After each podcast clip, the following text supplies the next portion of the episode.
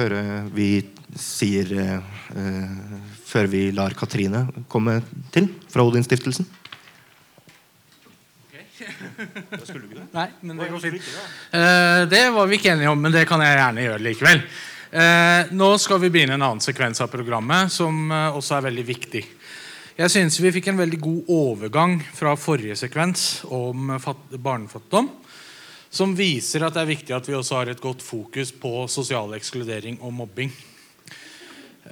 nå skal Katrine, når teknikken begynner å virke med oss, komme fram og lese litt fra den siste boka hennes. Så skal dere bli plaga med meg igjen et par minutter etter det. Eh, hvor jeg skal få lov til å introdusere eh, Lee Hurst, som kommer hele veien fra USA for å vise Bully for oss og snakke litt om eh, mobbing og den filmen han lagde. Så nå ønsker jeg Katrine velkommen til scenen. Eh, og håper dere har en fin konferanse så, langt. da.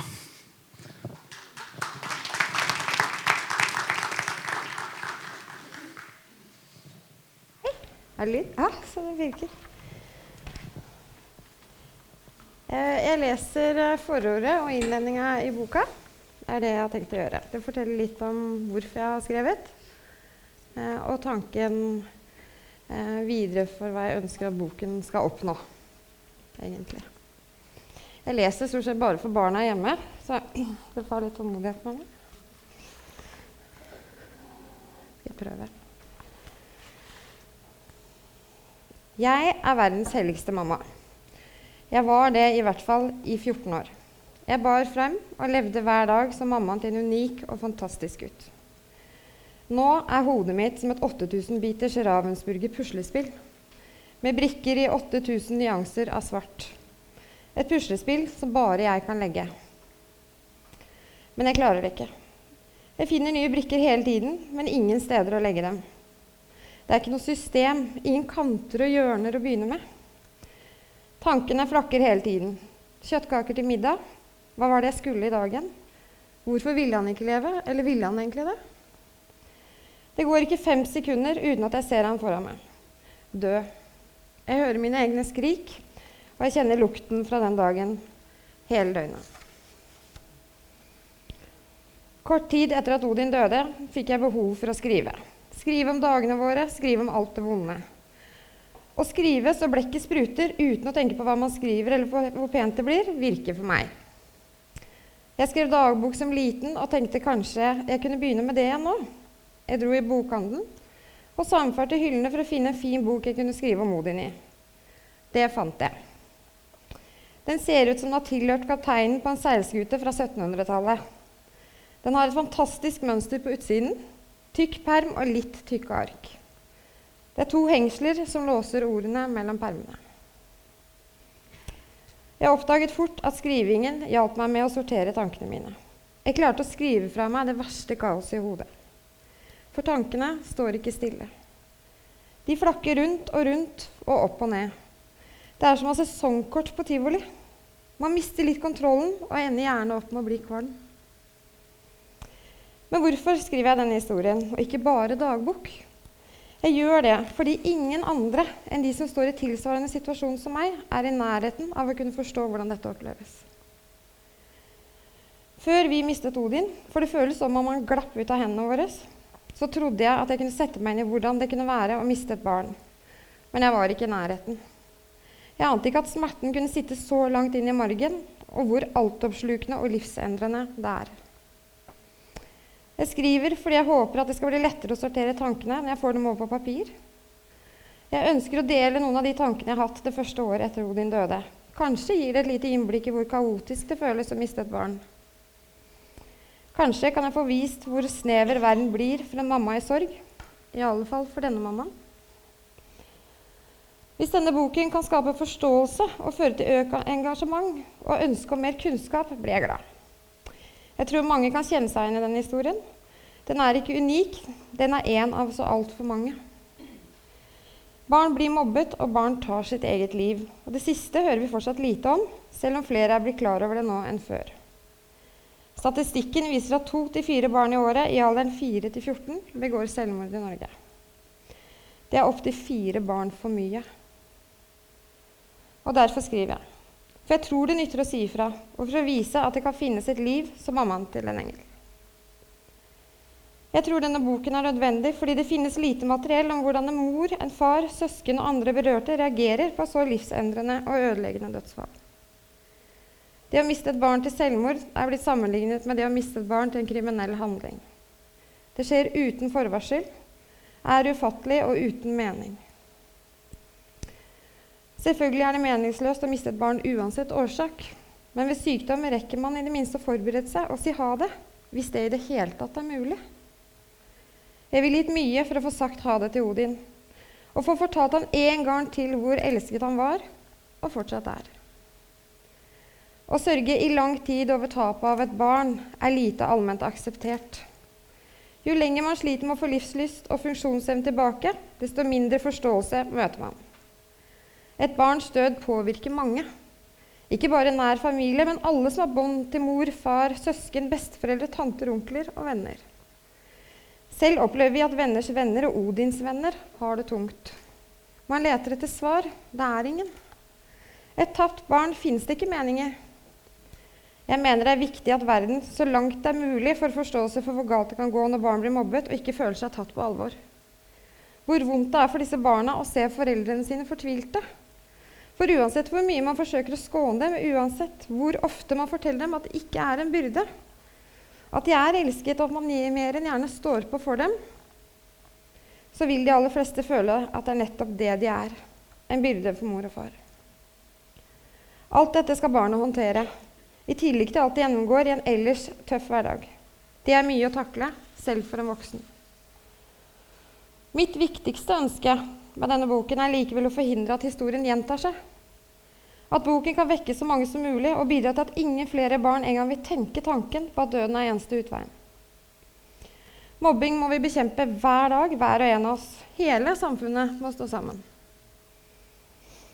Noen av oss kan gå i bresjen, men vi trenger alle med på laget, fordi mobbing angår oss alle. I mitt møte med mobbingens stygge side har jeg oppdaget at det aldri er vinnere.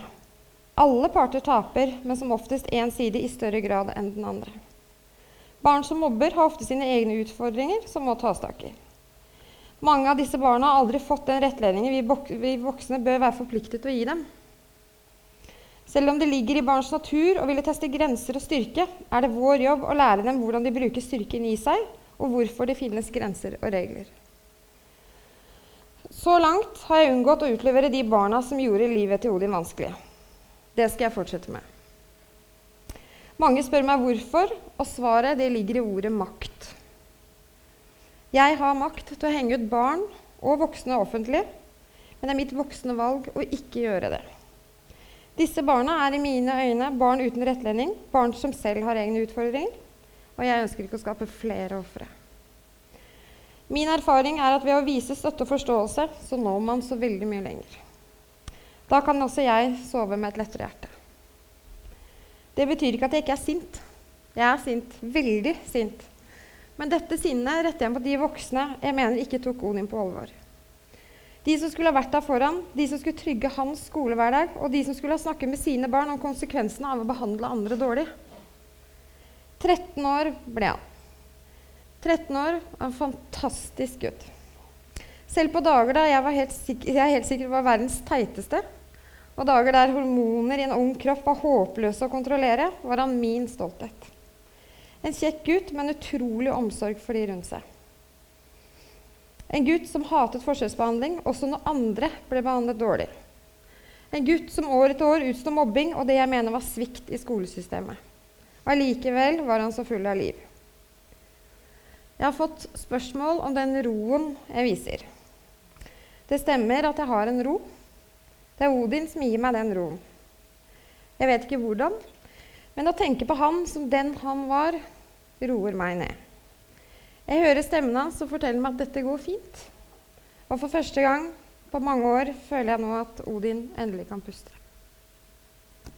Takk.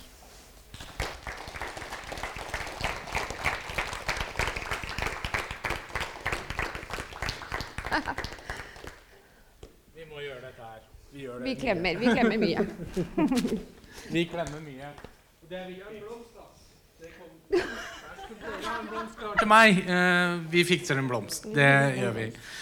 Uh, dette er en uh, sekvens som betyr mye for meg personlig.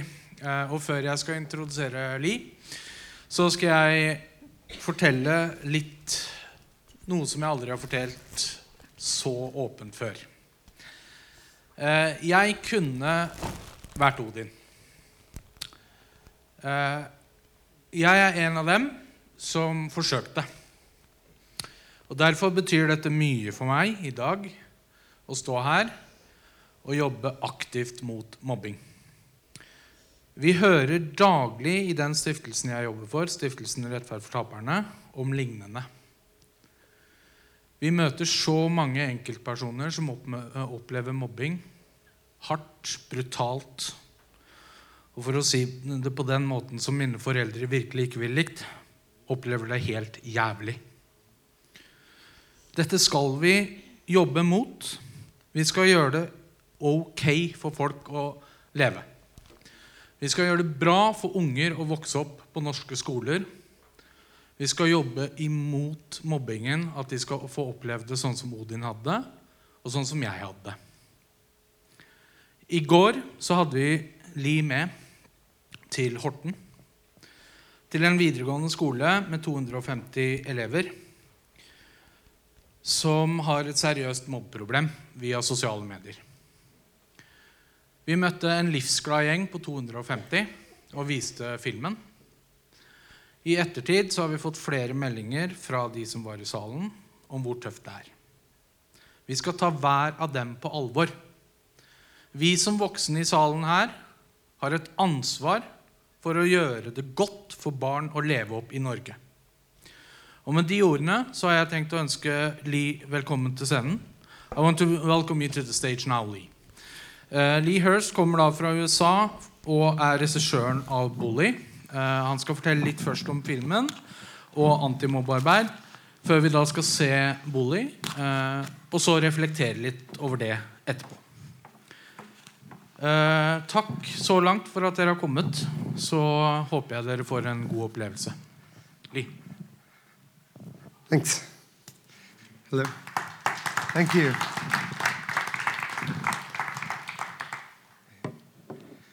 I guess I don't.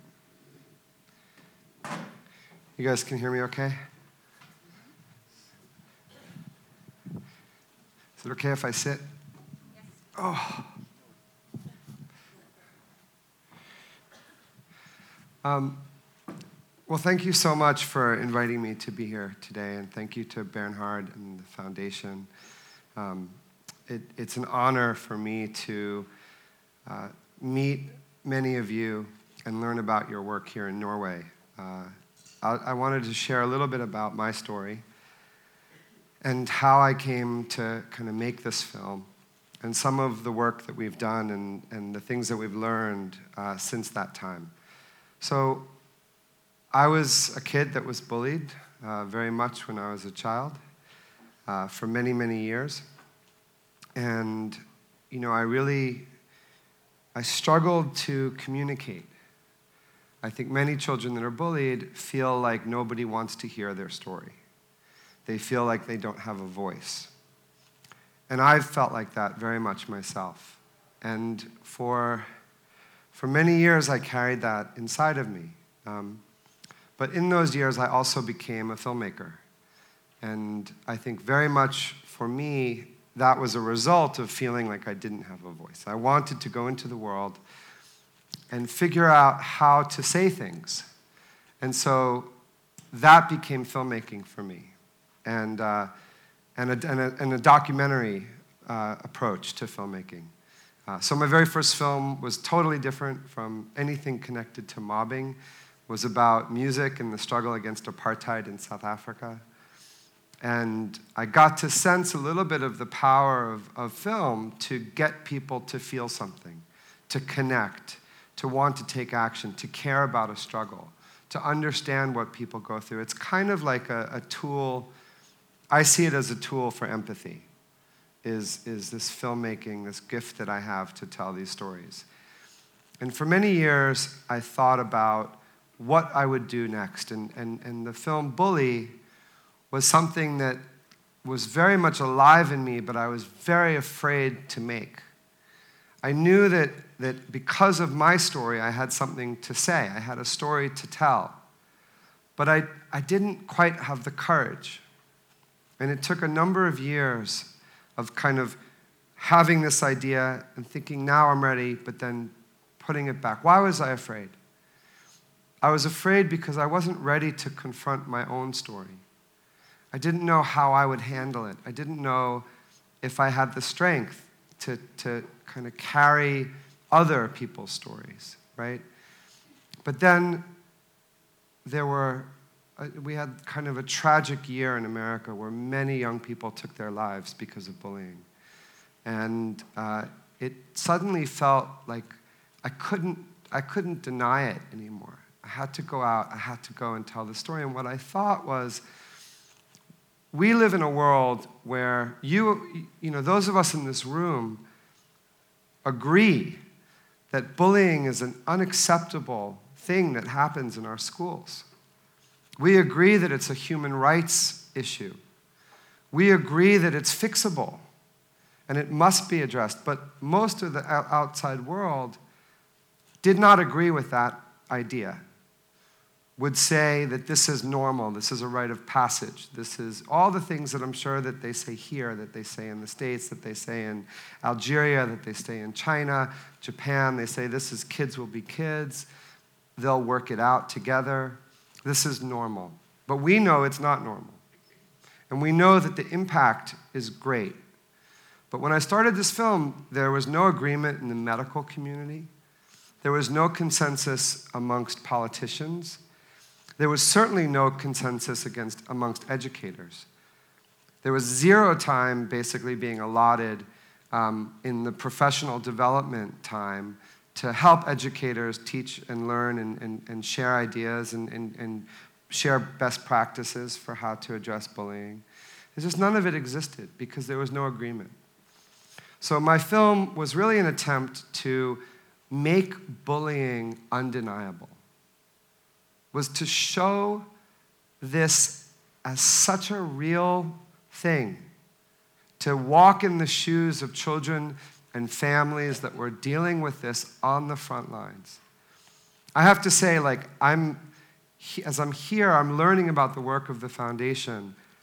I'm so moved by what they do because nobody fights for victims.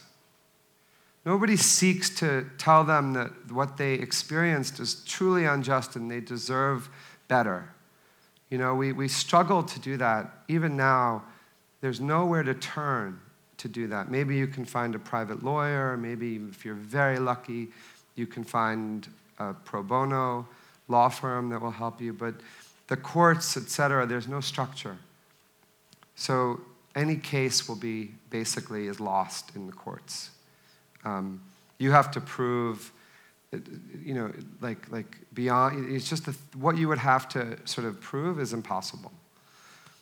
So, so we really wanted to create a film that would, that would allow us to feel and to not close our eyes.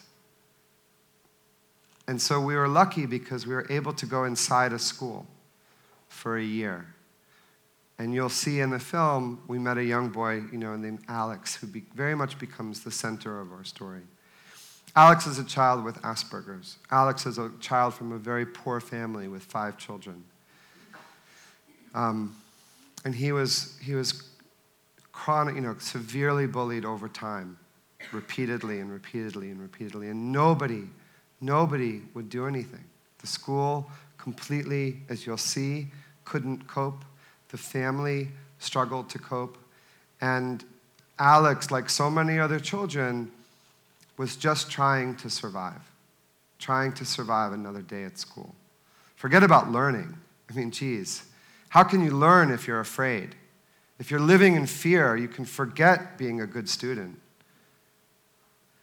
He just wanted to survive. And what I found inside this school was that every child that was a, special needs child that had a learning disability, that was on the spectrum, and so on, were the ones that were being bullied. And there was just no relief for them. So, as you'll see in the film, we were able to make this movie and get it out into the world. And uh, I, I had no idea how much people would respond to this film, how it would travel around the world. Because, in fact, it's speaking for millions of people like me, like many of you in this room, that went through this horrible experience and didn't know how to communicate about it, didn't feel that we had the right to communicate, didn't feel that we deserved it, weren't listened to. And so, in that, in that sense, we've built this kind of movement.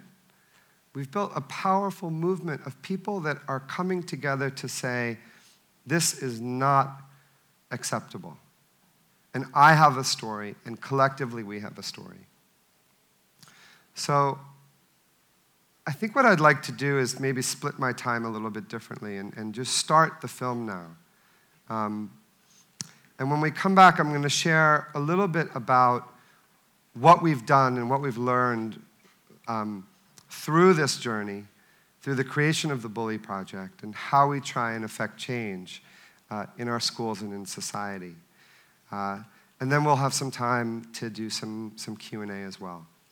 So with that, thank you very much, and uh, enjoy the film.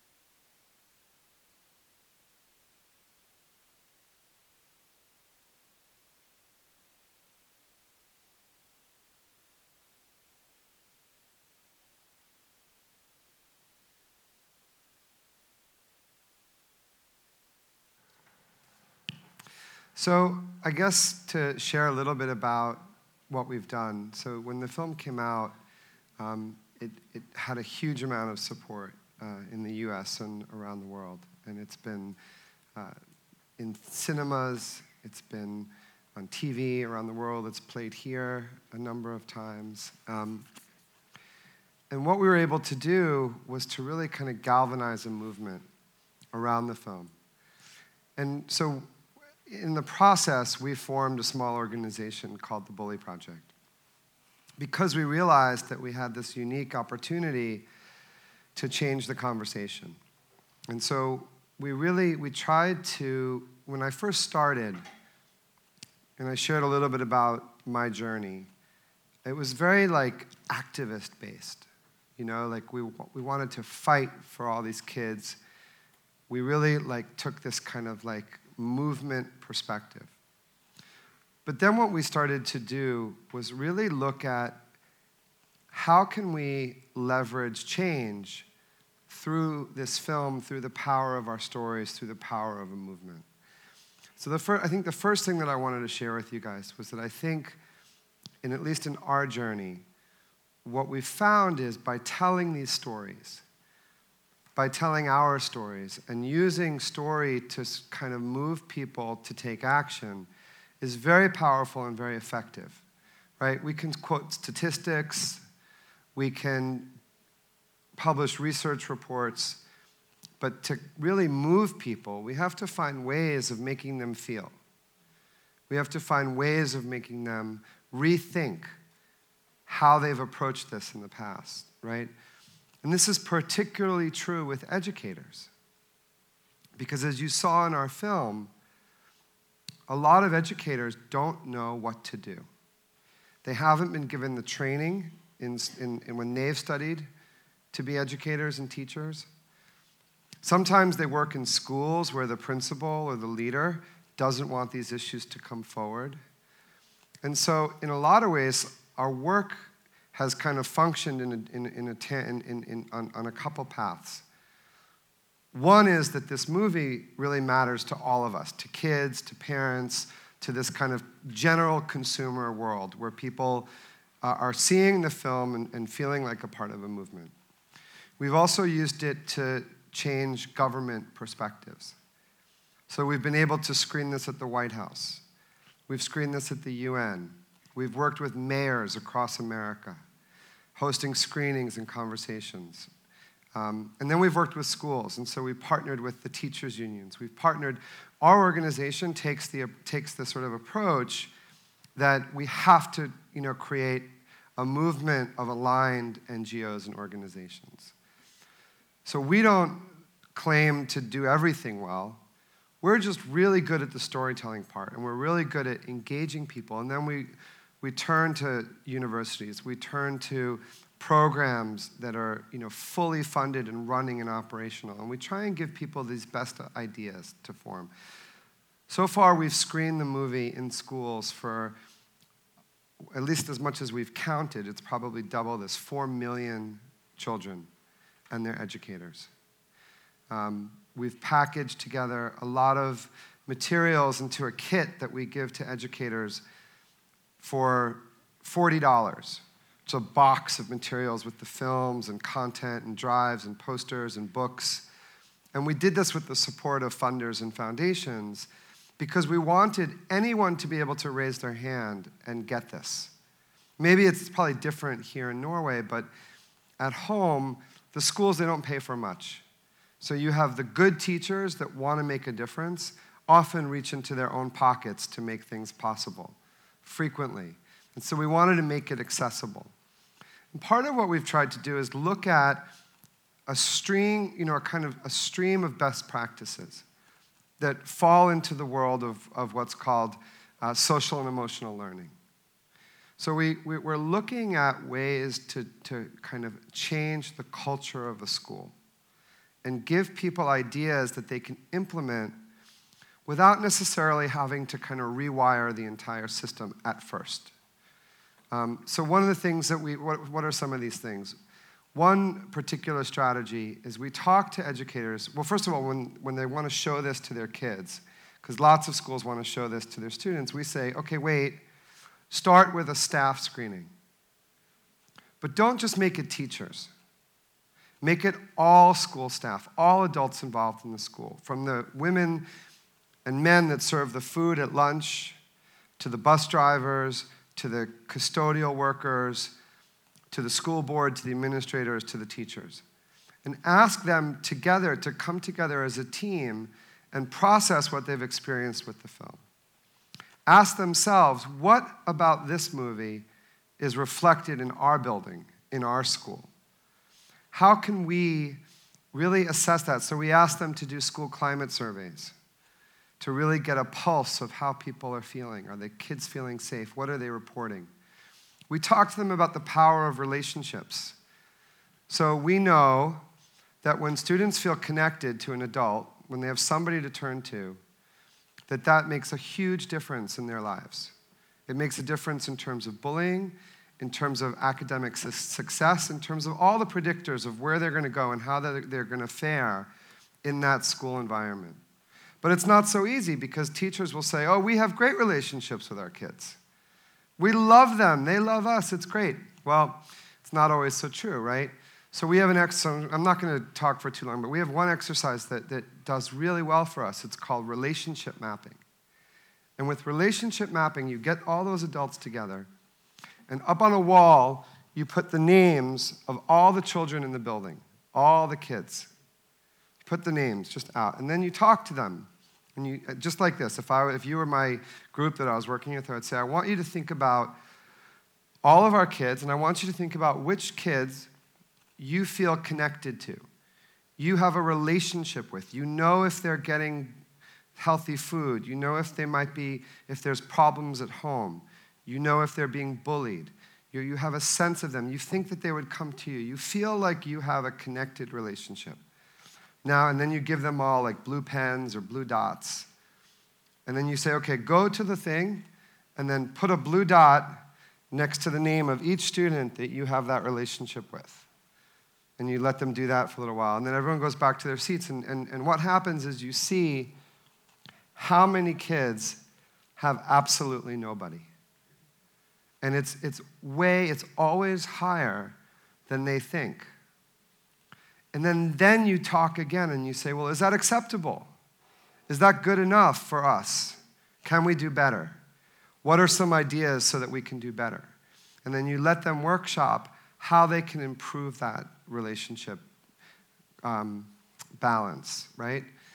And this is an idea of a, of a practice that is, doesn't you know, take money, it doesn't take anything other than will, right? And if you combine that with something like story, where they're feeling something, it has a lot of power, right? And so there's a lot of really wonderful um, strategies out there in this world that can start to get everybody playing on the same page in the school. Because if you can get them playing on the same page, that's really important. And one of the things that that, that requires to change the culture is constantly finding ways to reinforce that our school is a place of kindness, that what we do here is different. So, so that means we have to speak about it. It means we have to find opportunities for kids to speak together, to speak to adults, to practice empathy. We have to recognize kids that choose to stand up for each other, kids that contribute to the school culture. You know, when I went back, when I was, bull- I was bullied in my, in my middle school very badly. And when, when, when I went back to the middle school, it's very funny. So, what happened is the movie's out in theaters, and I get this email saying, We just wanted you to know, we're trying to find anyone involved with this film, that we, we took all of our students to see the movie. And afterwards, as a community, we were so moved that we marched. We did a march for a mile, all 900 of us in silence, in support of kids that are bullied everywhere. And I'm reading this email and I'm going, wait a minute, this is my school where I was treated so terribly. So, sure enough, I go and I meet the principal and, and we spend a day together. And they've completely transformed their school through a lot of homegrown ideas, one of which is they do something called the, the, the, the hand, the Star Hand Awards. And so what happens is when, it, and it's anyone in the building, it can be an adult or a kid, when they, this is, this is a middle school, when they behave and they show this kind of leadership, this positive culture building, this support for each other, this kindness, they can be nominated and they get recognized with a wooden hand that's, that they paint. And then they take this wooden hand, and first they, they recognize you with this big award. They, they crash into class or lunch, and everyone gives you this award. And then they put that hand up on the wall, right?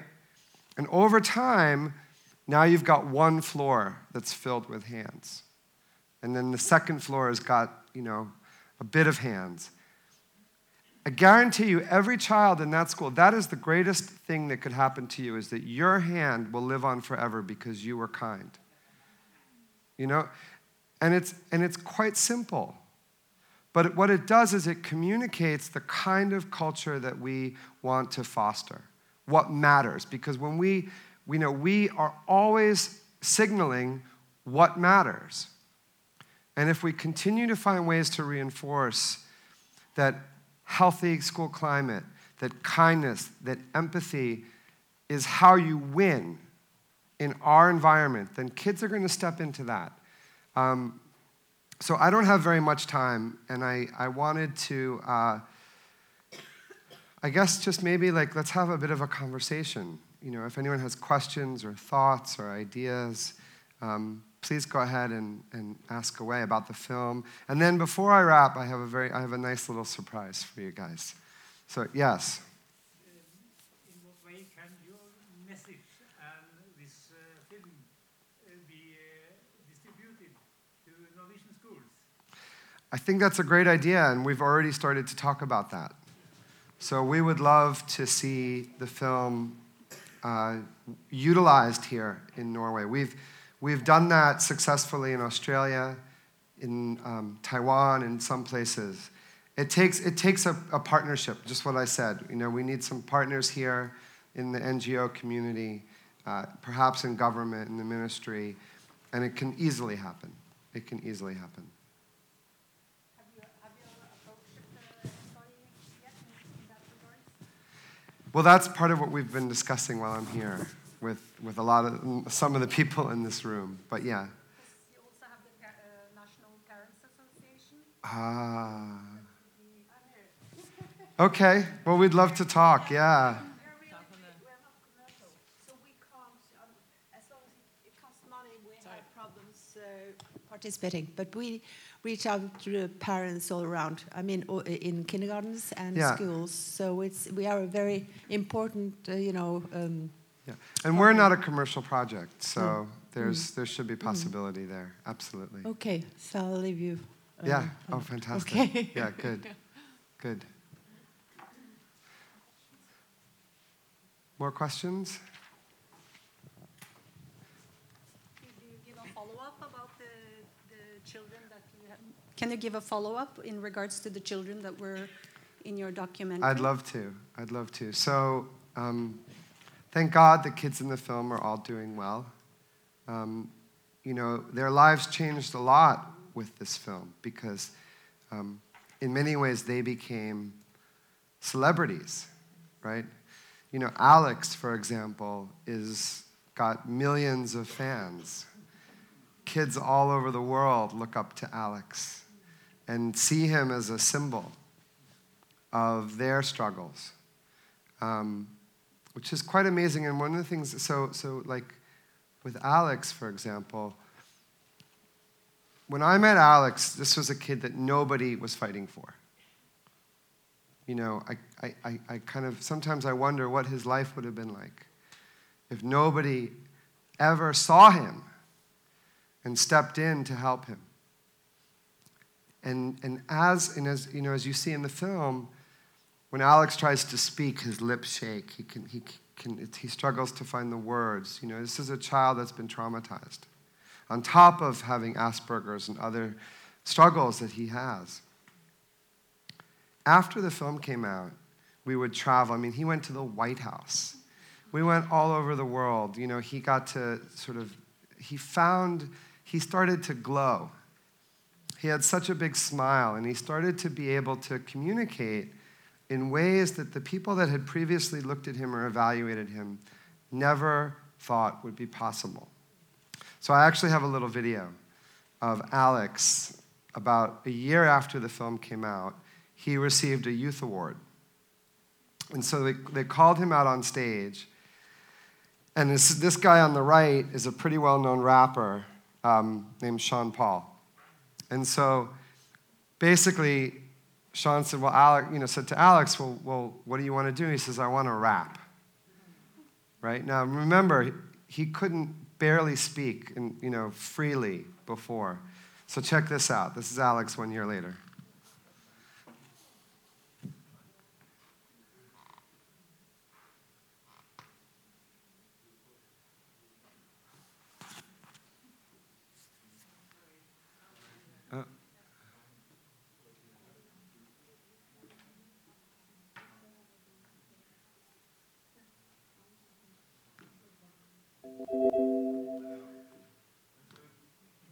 I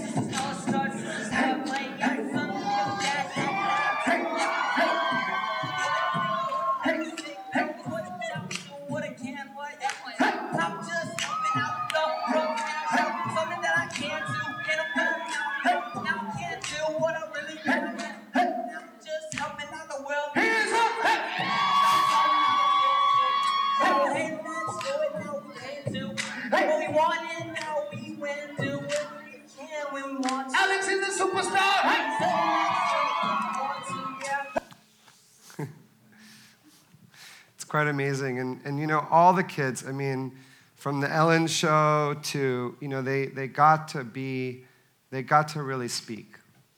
And they carried the torch in a lot of ways. And, um, you know, for me, getting to be a small part of that's been probably the greatest honor in my life because they're so extraordinary. And Jamia's doing well, and Kelby's doing really well. Kelby's now a man, um, has, has uh, changed her gender, and lives in Oklahoma City. uh, and is working. And the family actually finally left the small town. Um, and uh, Jamia is doing really, really well. She works as a um, she works on the assembly line building cars, which is a great job, um, a really good, you know, well-paying job for where they live. Uh, so it's been a journey. It's been a journey that we've all been on. Yeah. Uh, I'm a um, surviving victim of bullying myself, and I've watched your movie about 10 times, I think. And it's, it's very hard for me to see this movie because it's. Uh, I do recognize many of the situations, and I was crying during the whole film. But um, uh, one of the most um, difficult things to cope with is, is the schools and how they cope with the problem. And I was wondering if it's uh, was it hard for you to to get the school to cooperate in the movie, or did you tell them what you were making a movie about, or how did you do it? To it's impressive. Thank you. Thank you. It's, it's, an, it's a great question because um, we knew we had to be inside a school to tell this story. That if we, you know, if if we couldn't live inside a school and see the way it happens, I didn't think we could achieve what we achieved. I knew from the outset that we needed that. We asked so many schools, and they all said no. And um, and then we met with the the superintendent in the Sioux City, Iowa district where we filmed. It was very interesting because what he said was, he said, We are committed, we are deeply committed to changing the culture in our schools. We do not want to have bullying. We are, we have invested in some programs, right? They're actually, they had programs in place. They had um, some of which had been in the community for a while, some of which was newer, like many communities, they're experimenting, trying different things out. And they said, We think we're doing a really good job. And then they said, and then they took it to the school board. And what he said was, We think we're doing a great job. These guys want to make this film. It's risky, but I think we'll learn about ourselves in a way that we can't from the kind of ivory tower of the administration. And they took a vote and they agreed to let us make the film, which was very brave, right? And as the film rolled, it was interesting because they sent us to East Middle School where we filmed thinking that that was their best school, right? It was also, if you were anywhere in the area, if you had a child with special needs, you wanted your kid to go to that school because it was considered the best. Even though all those kids were basically coming to school and getting tortured every day.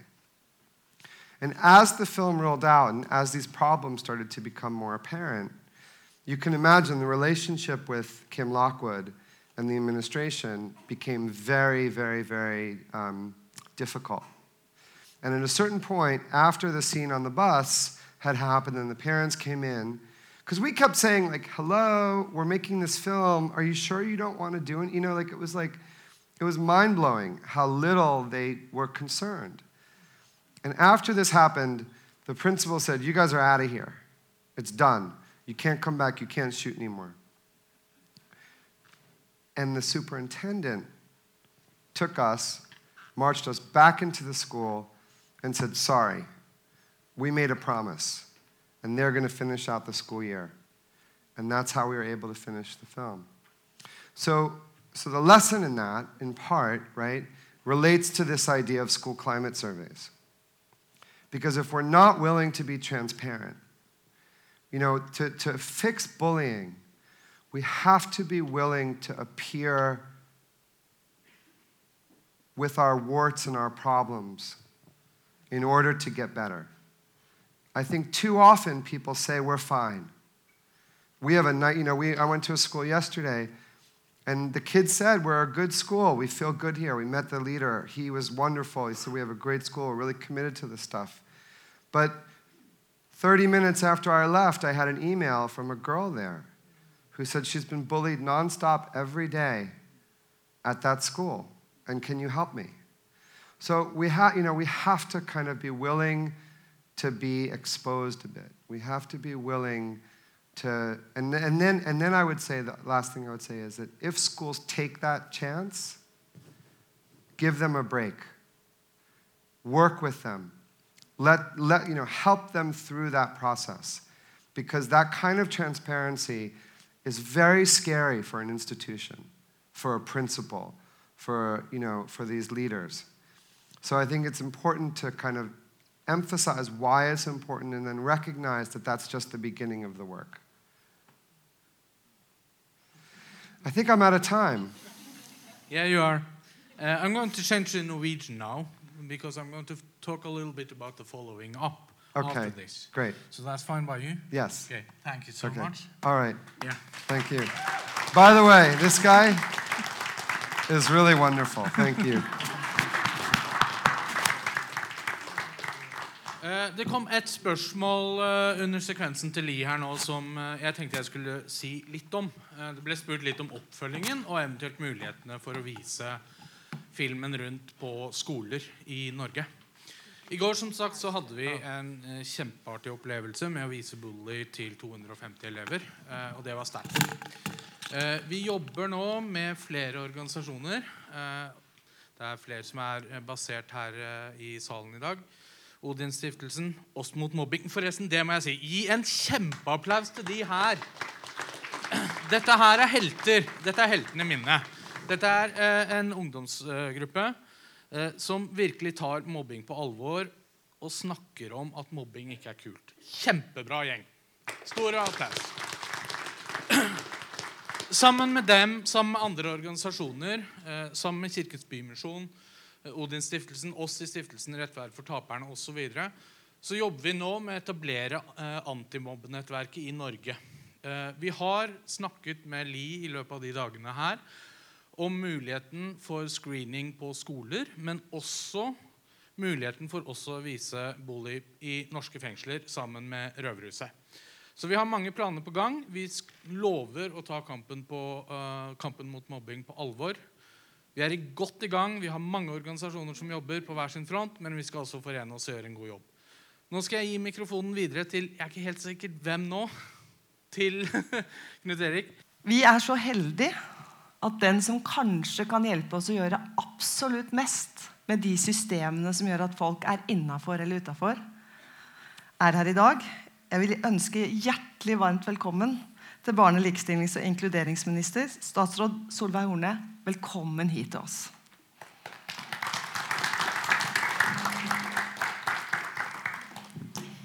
Tusen takk, eh, og tusen takk for anledningen til å komme og snakke litt til dere her. Jeg har blitt utfordra på å si litt om hva regjeringen gjør, men jeg har bare lyst til å ta litt eh, tråden i det siste som du sa.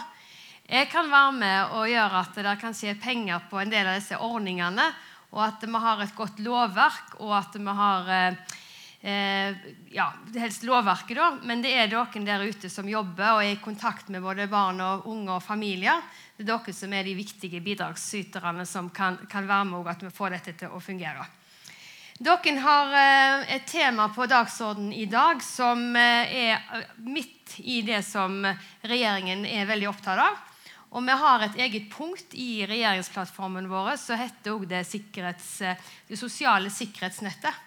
Eh, som er veldig viktig for oss, som ikke bare mitt departement jobber med, men som også flere departement jobber med.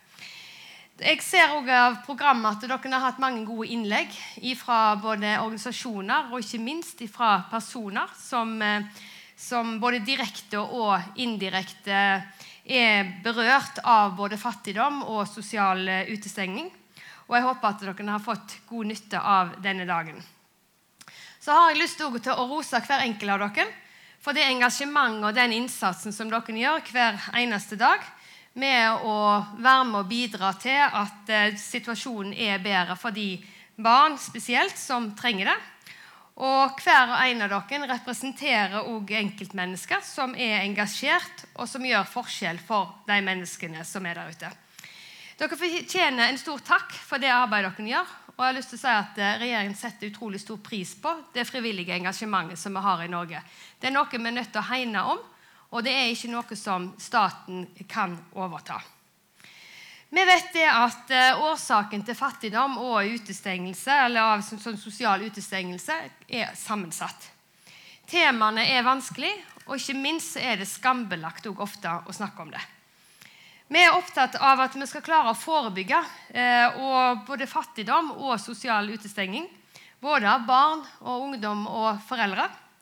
Vi vet at eh, ensomhet og sosial utestenging kan være skadelig for både barn og ungdom spesielt. Og hvis vi klarer å bygge gode barn og ungdom istedenfor at vi hele veien holder på å reparere voksne, så har vi også kommet i gang veldig godt med den forebyggingen. Og Forebygging har vært en hjertesak for meg når jeg har vært statsråd. Jeg har vært kommune- og fylkespolitiker før jeg kom på Stortinget, og vet det at det er veldig mye enklere å få penger til reparasjon. Eh, men hvis, hvis man hadde sett på hva kostnader det er for samfunnet, og heller brukt litt ekstra penger i det forebyggingsarbeidet, så tror jeg at man har klart å hjelpe mange flere. Det sier jeg både til kommunepolitikerne nå, men ikke minst så sier jeg det også til finansministeren, at jeg trenger litt mer penger til forebyggingsarbeidet. Det å hjelpe barn og unge så tidlig som mulig, eh, det at vi forhindrer at de faller ut forbi, eh, det at vi vet at barn er her og nå, men de er òg framtida. Og vi skal sørge for at de er, får trygge og gode oppvekstvilkår. En av regjeringens hovedsatsingsområder er jo arbeidet mot barnefattigdom. Og Jeg har møtt en god del ungdom og barn som sier hvorfor kaller dere det for barnefattigdom. Det er jo ikke vi som er fattige. Det er kanskje foreldrene våre som da ikke har den inntekten eller den som gjør at vi kan få lov til å være med på de samme tingene som våre venner eller jevnaldrende. Og Det aller viktigste vi kan gjøre, er jo å sikre at, barn, nei, unnskyld, at foreldre eller de voksne har arbeid. Og jeg har lyst til å si at Det arbeidet som regjeringen også gjør på helsesiden opp mot rus, psykiatri, det er jo også noe som er med å gjøre at folk kan på sikt komme seg ut i arbeid. Så arbeidslinja ligger fast. Men vi vet likevel at antall fattige barn de øker. Og jeg er nok redd for at det kanskje kommer til å øke framover òg. For for første gang så ser vi det at eh, barn av minoritetsfamilier er overrepresentert i de statistikkene. Og når vi vet at det tar litt lengre tid før de foreldrene klarer å komme seg ut i arbeid, og spesielt i den flyktningsituasjonen vi ser i nå, når det kommer så mange som skal bli bosatt ute i kommunene og få seg arbeid, så er jeg redd for at den situasjonen for de barna kan bli at er, de lever i, i lavinntektsfamilier. Det vet, som jeg sa, så er det skambelagt ofte for de barna og ungdommene det gjelder. Og de skjuler det for omgivelsene. og Derfor er det så viktig at vi som er voksne, klarer å se dette. Regjeringen la fram nå i vår en fattigdomsstrategi. Det var på bakgrunn av eh, et godt samarbeid både med Venstre og KrF. Det var en eh, strategi som heter 'Barn som lever i fattigdom'. Eh, og Vi fikk litt kritikk for at ja, men hvorfor har dere ikke adressert det som er virkelig utfordringen, det med arbeid. Men den fattigdomsstrategien den skal gå på hva er det vi kan gjøre for de barn og unge som lever i de lavinntektsfamiliene, og hva kan vi gjøre for at vi hindrer at det går i arv. Det er en strategi som er sitt første i, slag, i sitt slag.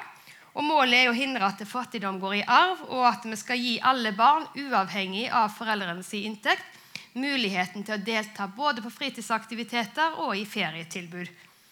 Vi har, ga da et løft i revidert nasjonalbudsjett på 106 millioner. Det var ikke bare på mitt budsjett, det var også på Arbeids- og sosial, det var på Kulturdepartementet. Og så mener jeg at det viktige arbeidet som vi har gjort overfor bostøtte til de med lavinntektsfamilier på, eh, på kommunalministerens budsjett, er også noe som vi kan regne inn i den fattigdomsstrategien. Så har vi også styrke tiltaket det med gratis kjernetid.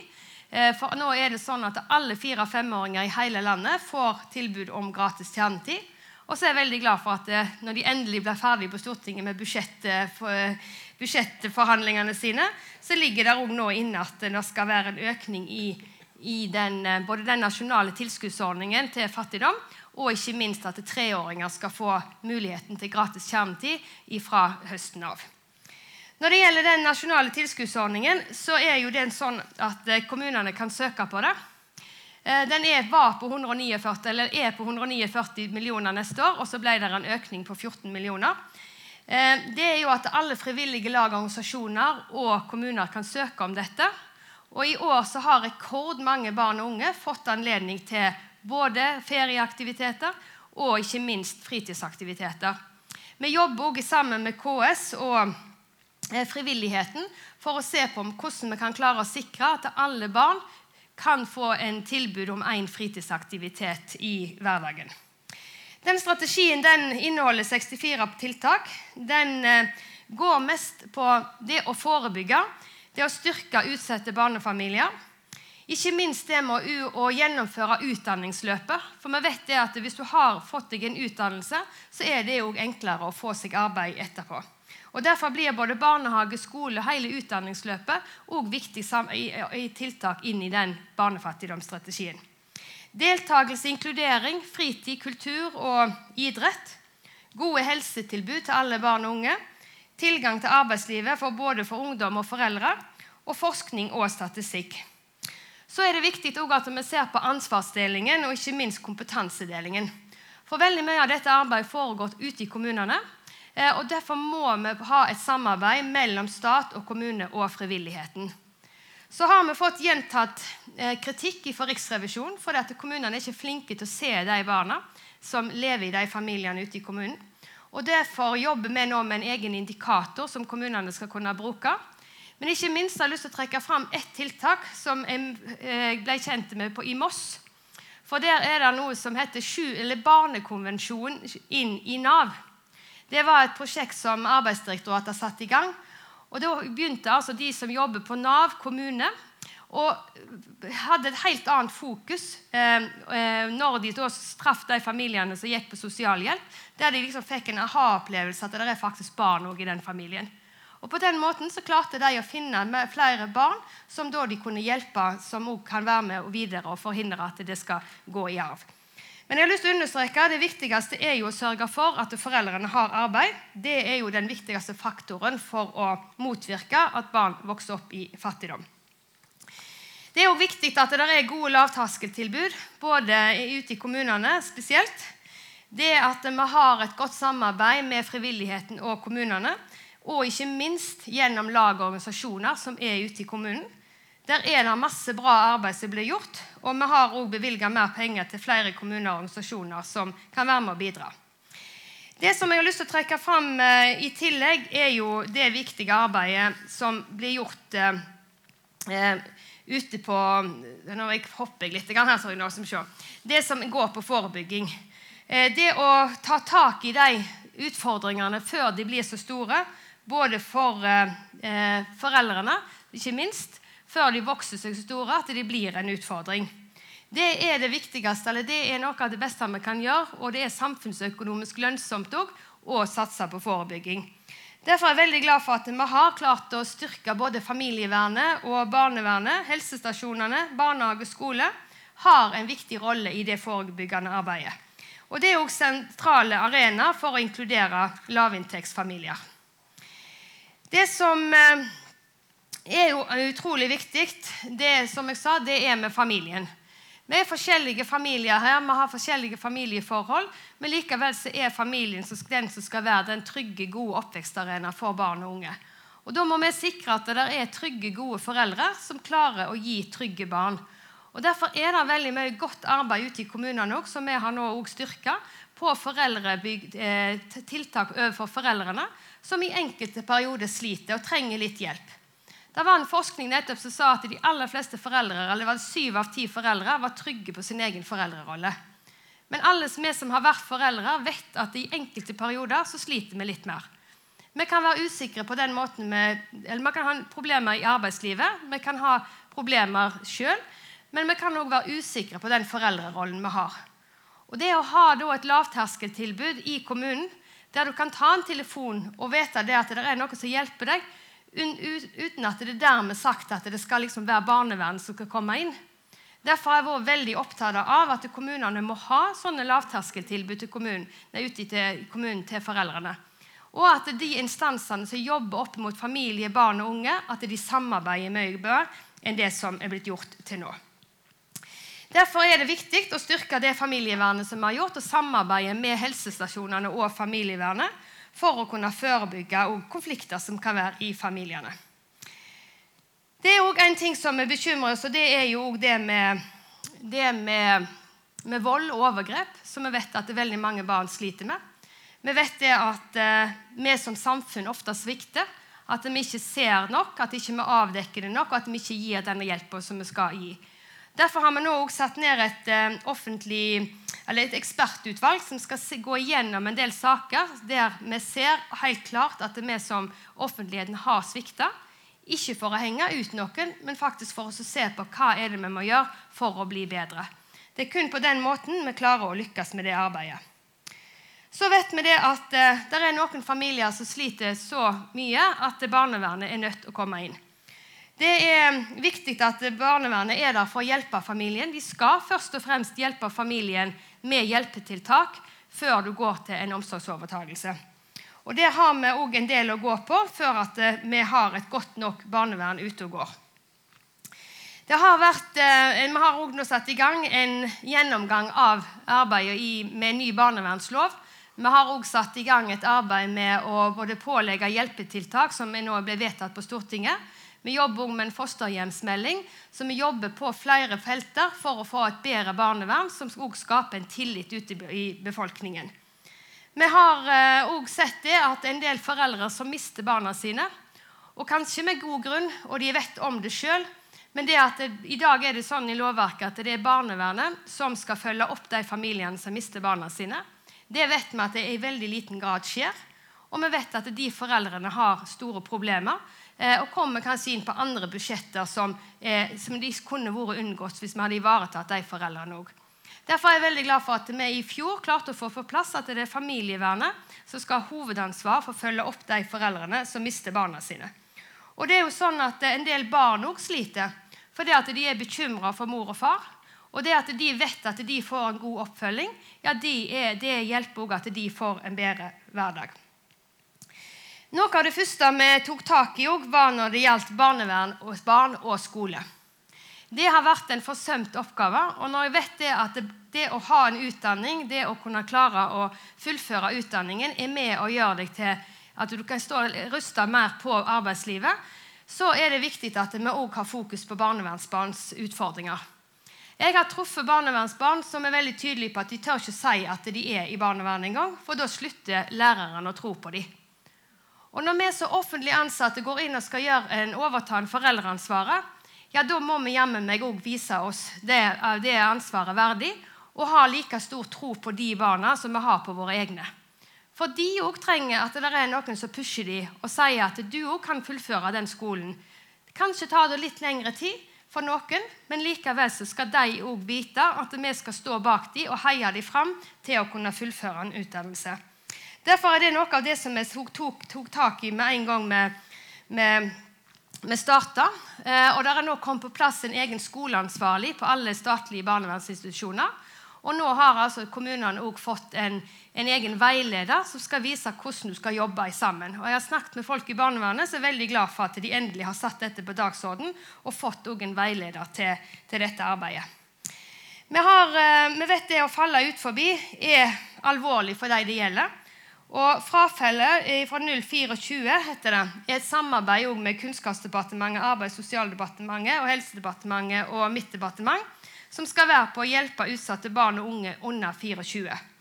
Og målet er der òg å øke gjennomføringen av videregående opplæring og inkludere flere i arbeidslivet.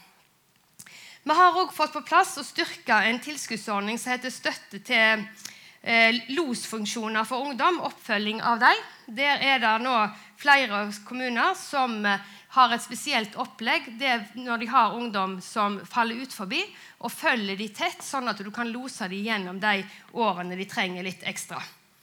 Det kan være situasjoner som de har manglende støtte fra foreldrene. De kan mangle sosialt nettverk, og ikke minst kan de ha helseproblemer.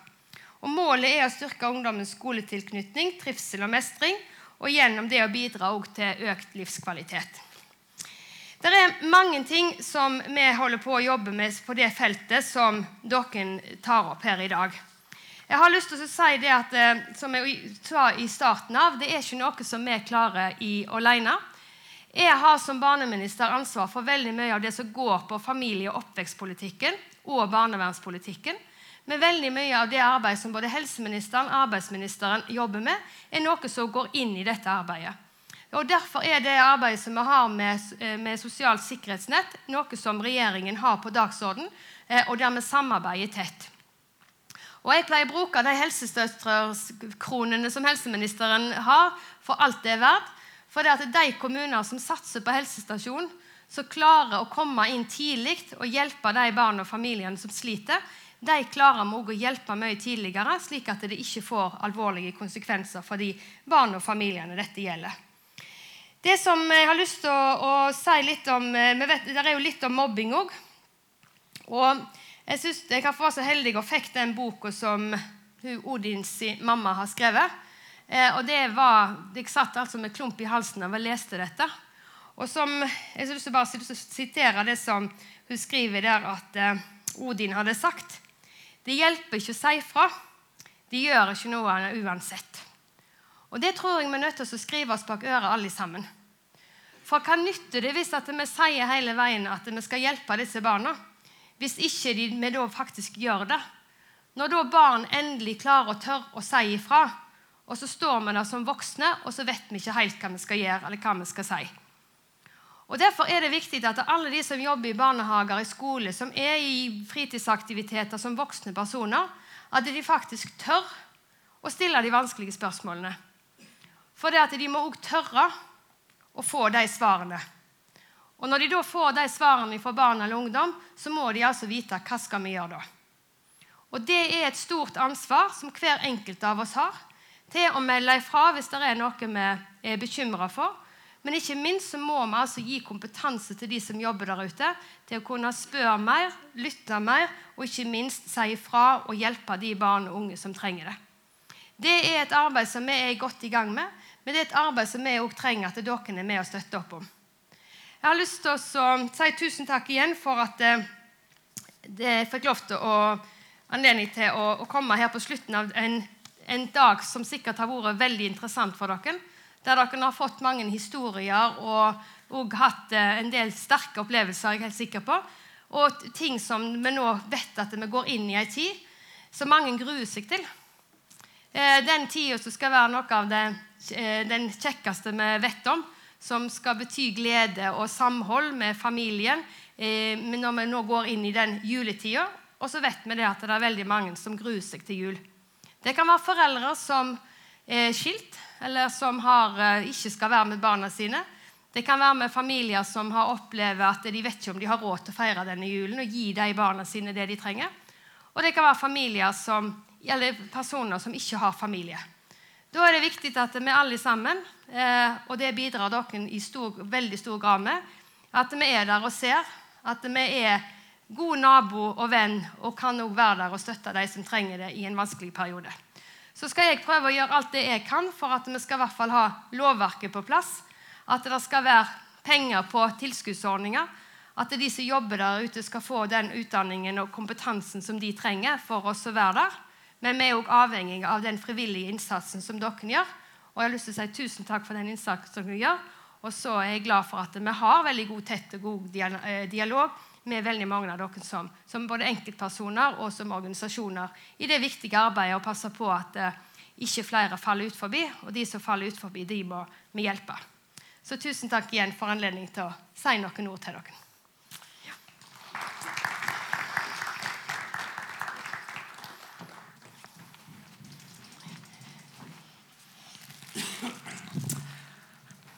Tusen takk. Ehm, det å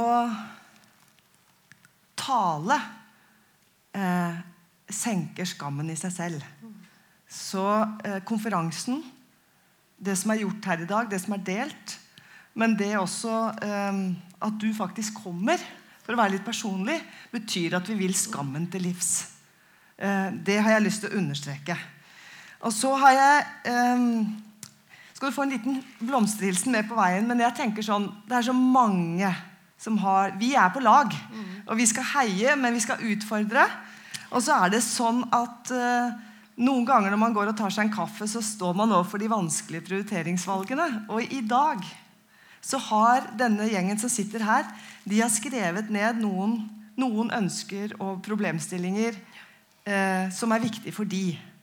Og da tenkte jeg Som leder så hender det jeg tar med meg en sånn liten bunke inn på rommet. og lukker, setter jeg meg ned med kaffekoppen i ro og fred. Du skal få med deg de. Det er ikke så veldig mange. Kanskje rekker det til og med taxien på vei hjem. Og blomster. Og tusen, tusen takk for at du kom. Du hører fra oss. Tusen takk. Takk skal du ha.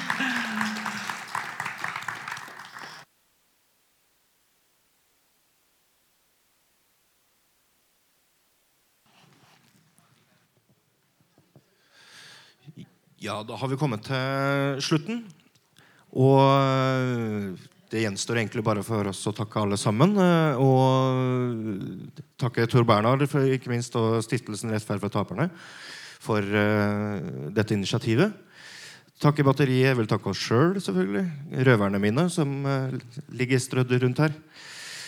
Og, men helt til slutt så har vi en oppsummering med, med noen refleksjoner som skal gjøres med Nils med skills. Vel hjem etter dette.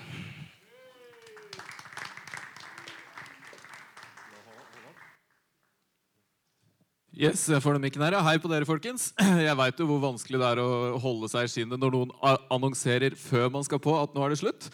Folk har jakka på osv. Men uh, setter selvfølgelig veldig stor pris på hvis dere ja, har ro i blodet til å høre på meg uh, noen få minutter. Eh, jeg har altså fått i jobb å skrive et lite dikt eh, om dagen. Eh, jeg gjør ofte det på sånn næringslivsting. og sånn, Skal ikke nekte for at det er mye lettere å vitse med noe som er kjedelig, enn noe som er nitrist. Men jeg prøver nå allikevel. Jeg er nødt til å lese mens jeg bare finner noe. Jeg, jeg, trodde jeg ville kanskje være en stol her eller noe, men Oi. Hjertelig For dere som ikke kjenner meg fra før, så må jeg si det at eh, det er ingen grunn til å ta noe jeg sier, på ramme alvor. Eh, det er lov å le høyt uten at det betyr at du er enig i det jeg sier. Og det er ingen grunn til å tro at jeg egentlig er enig i det jeg sier når jeg er ferdig her. Eh, men det her er nå eh, mitt lille skråblikk på dagen. Hyggelig å bli invitert på problemkonferanse. Noen må ha visst at når det gjelder problemer, har jeg ekstrem kompetanse. Hadde f.eks. en del problemer med å stå opp i tide til registrering og kaffe. Jeg bare våkna og registrerte at jeg trengte en kaffe. Jeg har også litt problemer med datoer. Det er ikke alltid like stilig. Da jeg først kom hit, så trodde jeg at jeg var 10 minutter for sein. Så var jeg 23 timer og 50 minutter for tidlig. Det var bare noen folk fra en Rettferdforeningen som satt der og forberedte morgendagens saker. Da jeg gikk, så hørte jeg dem hviske av blanda om dager. For en taper! Hvis noen er skuffa over at jeg er så brutalt hvit, så kan jeg jo adressere det med det samme. Det er ikke min feil at noen har limt inn et bilde av Ice Cube i programmet. Men vi er jo alle VIP, som den sa til å begynne med. Det er jo kanskje sant. Håpe håpe at Ullevål husker på det når jeg møter opp her til neste landskamp.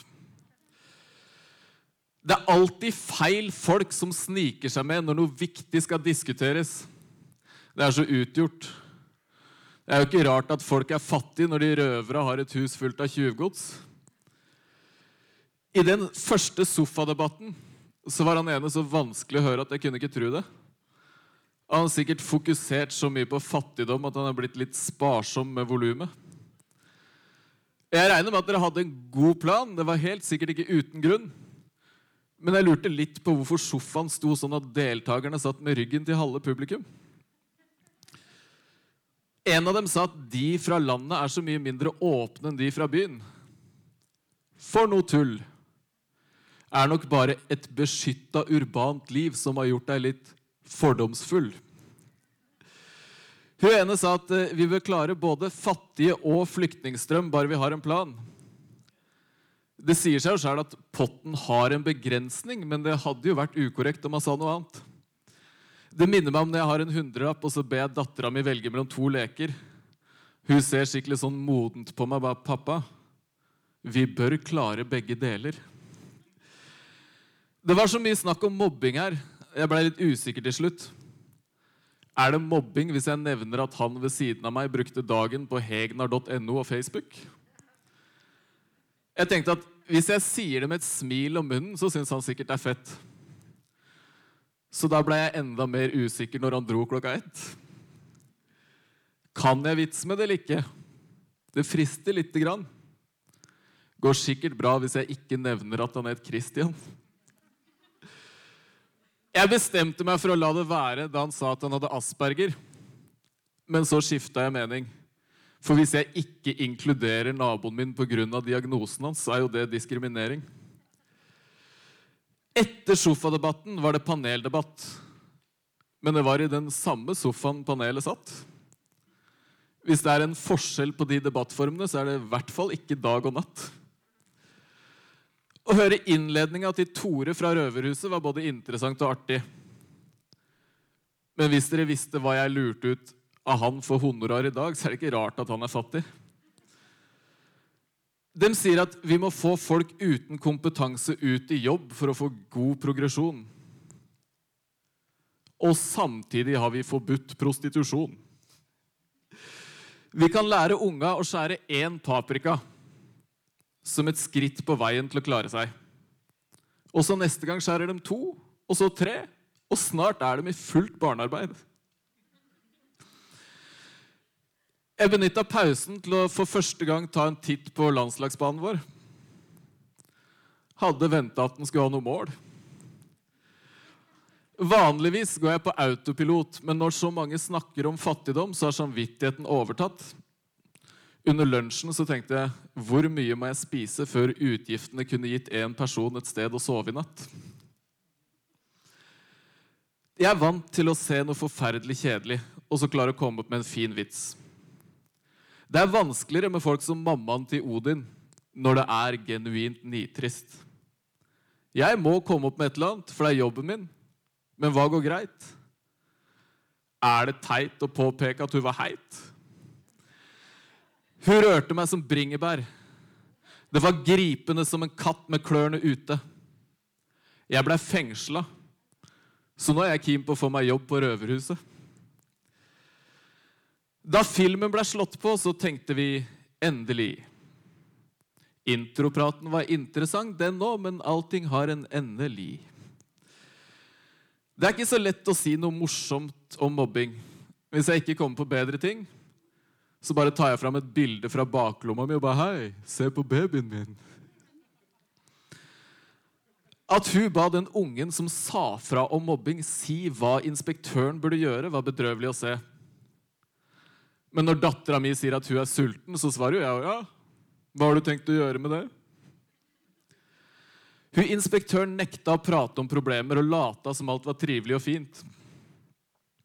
Ser ikke helt bort fra at hun kan være i slekt med svigerfamilien min. Jeg tror aldri faren min har vært i en farskapsrettssak. Men da jeg så han Alex med den mikroen, så følte jeg definitivt litt slektskap. Og Jeg så en, et klipp fra en skole i USA der en bølle tvingte en medelev til å tvinge en annen elev til å tisse seg sjæl på leggen. Så bølla kunne gripe inn og få hånda si på veggen. Etter filmen så bomma jeg en sigg av han lederen for Røverhuset. For han er en av de få som sigger. Rullings fra Sverige. Så da veit jeg i hvert fall at han ikke er en pamp som lever fett på fellesskapets midler. Ingen nevnte elefanten i rommet da Solveig Horne var her, men jeg skal gjerne melde det. Det er vanskelig for dere å nå fram, for sosialarbeidere er ikke FrPs kjernevelgere. Når folk glemmer seg og plutselig sier det de faktisk mener, så er det noe jeg pleier å merke bra. Solveig starta med å si 'jeg kan bidra med penger og lovverket'. Ja, helst lovverket, da. Solveig sa at hun skulle si til Siv at hun var mer til forebyggende arbeid. Vi veit alle hva Siv kommer til å si. Det er helt i orden, Solveig. Vi tar de penga fra akuttpsykiatri. Å komme litt seint for Solveig funka i hvert fall veldig bra av én grunn. Jeg tror hun var godt fornøyd med å slippe å svare på de spørsmåla i plenum. Tusen takk for meg.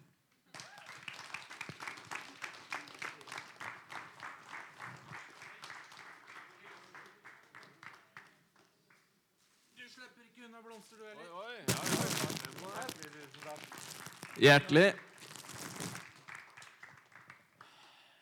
Det siste vi skal gjøre da, er å takke alle sammen for at dere kom. Eh, vi håper at dere har fått eh, litt påfyll i debattene og tankene rundt eh, fattigdomsspørsmål og sosial ekskludering i Norge. Takk til alle som kom, og jeg håper dere har hatt en fin dag. Vel hjem, kjør forsiktig, gå forsiktig.